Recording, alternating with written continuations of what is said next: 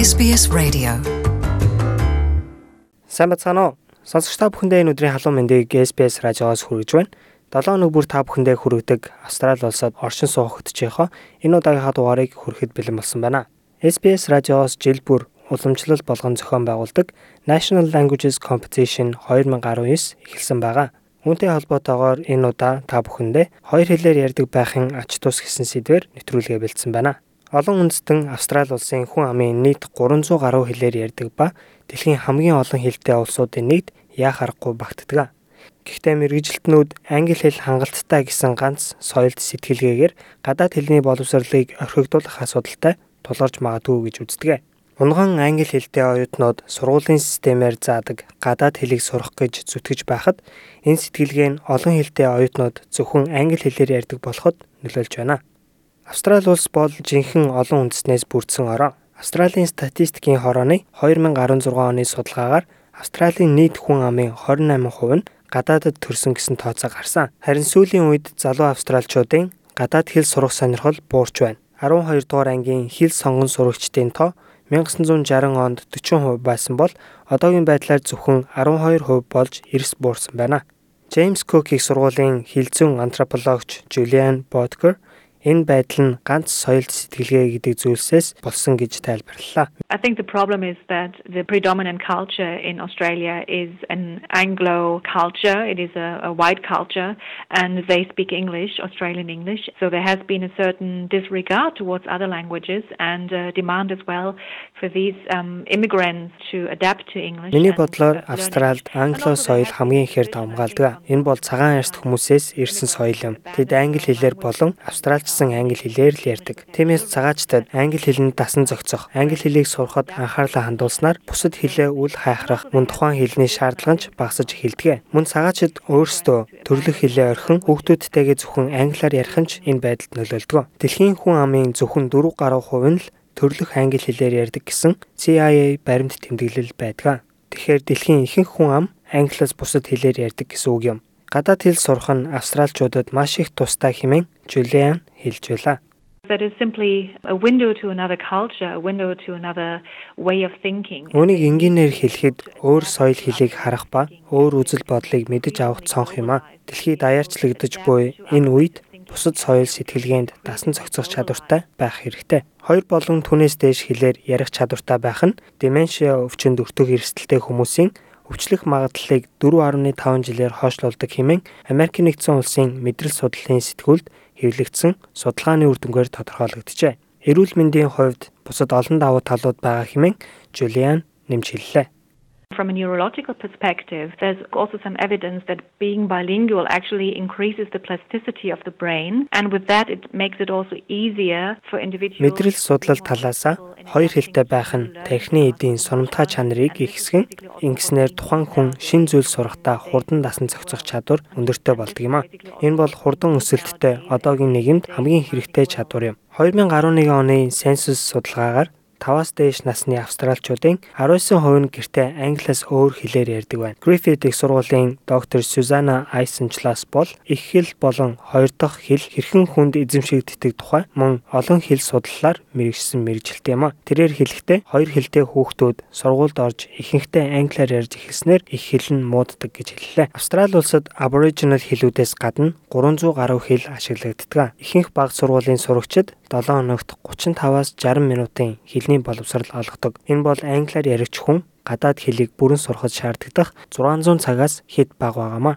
Австралийн боловсрол судалгааны консулын судалгаагаар ихэнх бага сургуулиуд сурагчдаа 7 хоногийн 35-аас 60 минутын хэлний хичээл ордог. Энэ нь 7 жилийн хугацаанд нийт 200 цагийн хичээл болох ч тооцоогоор англи хэлээр яригч хүн Франц эсвэл Испани хэлийг бүрэн эзэмшиж шаарддаг 600 цагаас нь энэ хэтэрхий бага байгаамаа. Мөн Америк нэгдсэн улсын гадаад хэргийн институтийн мэдээлснээр Хятад Солонгос зэрэг Азийн хэлийг мэрэгжлийн түвшинд сурахад 2200 цаг шаардлагатай гэсэн тооцоог дурдах хэрэггүй байна. Тэгэхээр Австралийн сургуулиуд хэлний боловсролд илүү цаг олох шаардлагатай байна хэмээн доктор Сюзанна Айсенчлас хэллээ. One hour is nothing. We come from other countries and we know how difficult it is to achieve a good level of proficiency. Нэг цаг бол юу ч болохгүй.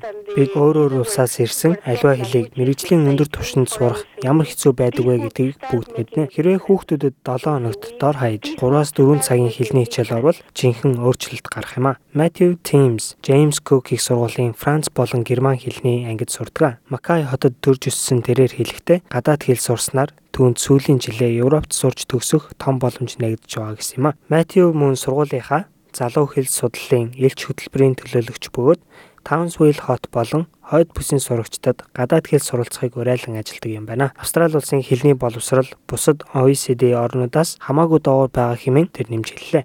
In Finland, for example, uh, it's mandatory to learn Finnish, Swedish, English, and a fourth language of their own choice. So there's that extra push to learn languages and and Финланд хүмүүс жишээлбэл Финланд, Швед, англи хэлийг заавал суралцаж дөрөв дэх хэлээ өөрөө сонгож суралцдаг. Тиймээс хэл сурах шаардлага тавигдсан байдаг. Мөн тэдний эргэн тойронд олон хэлээр ярьдаг, бас сургуулиас ч тавигдах шаардлага өндөр байдаг. Харин Австралид бол өөр. Сурагчдад хатуу шаардлага байдаггүй. Ихэнх сурагчид 8 дугаар ангиа төгсөөд англиас бусад хэлийг тоохоо болждаг хандлагатай байна. Гадаад хэргийн яамны судалгаагаар Аз төв нь 2013-аас 2014 оны Австралийн худалдааны экспортын 83%-ийг авсан байв. Хэдийгээр Австрали улс хөрш орнуудтайгаа хамтран ажиллахыг эрмэлзэж байгаа ч гэсэн Аз хэлийг сонгон суралцж буй сурагчдын тоо буурсаар байна.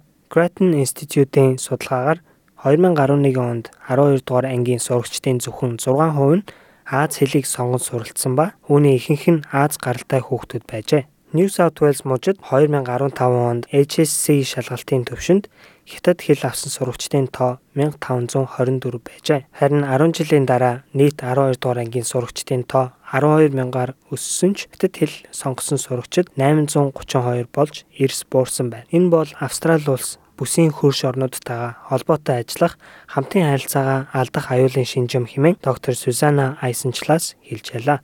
Australia's position in Asia and the need to trade internationally necessitates that people will speak other languages, not only English. So these are the kids who can be the true experts in languages. Азтэд Австрали улсын байр суурь мөн олон улсад бараа нийлүүлэх хэрэгцээ зэрэг нь хүмүүс зөвхөн англиар бус бусад хэлээр ярих чадвартай байх шаардлага гаргаж ирж байгаа.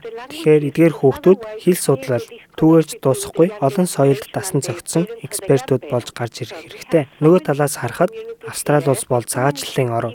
Тиймээс бид бусад хэлүүдэд хадгалж үлдэхгүй бол залуу үе маань эцэг өх өвөг дээдстэйгээ холбоо тасрах үндэс болно. Тэрээр сургуулиуд өөр хэл дээр уншиж бичих хичээлийг хүүхдүүдэд орох хэрэгтэй хэмээн нэмж хэллээ.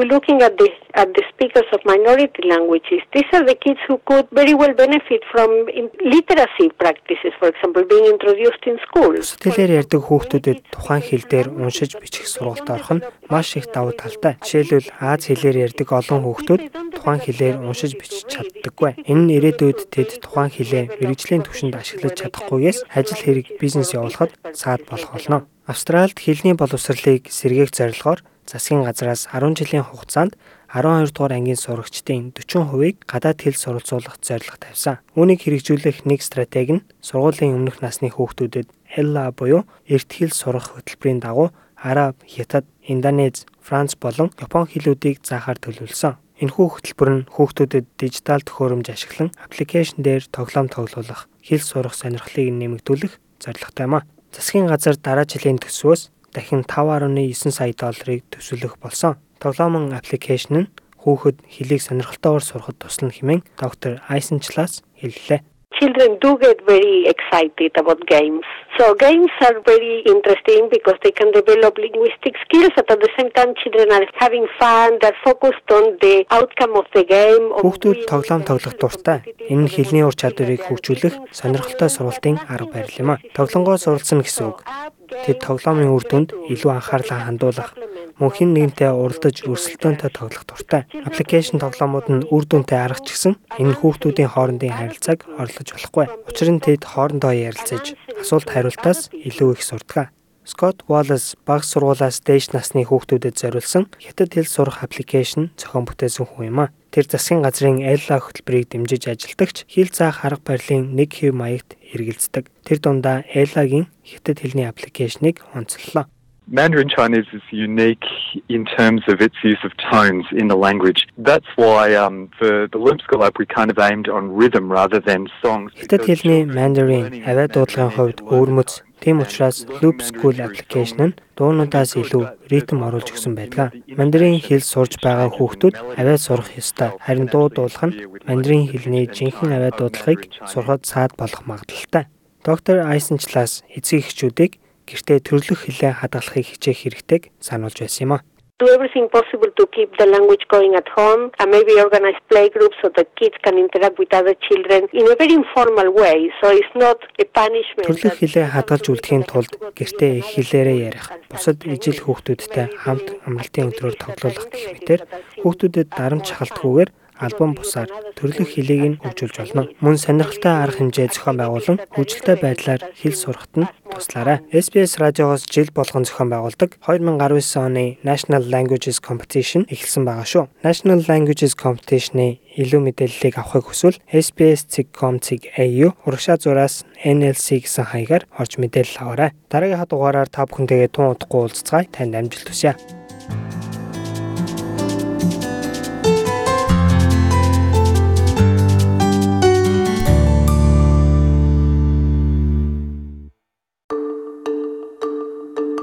Want to hear more stories like this? Subscribe to our regular podcasts on iTunes.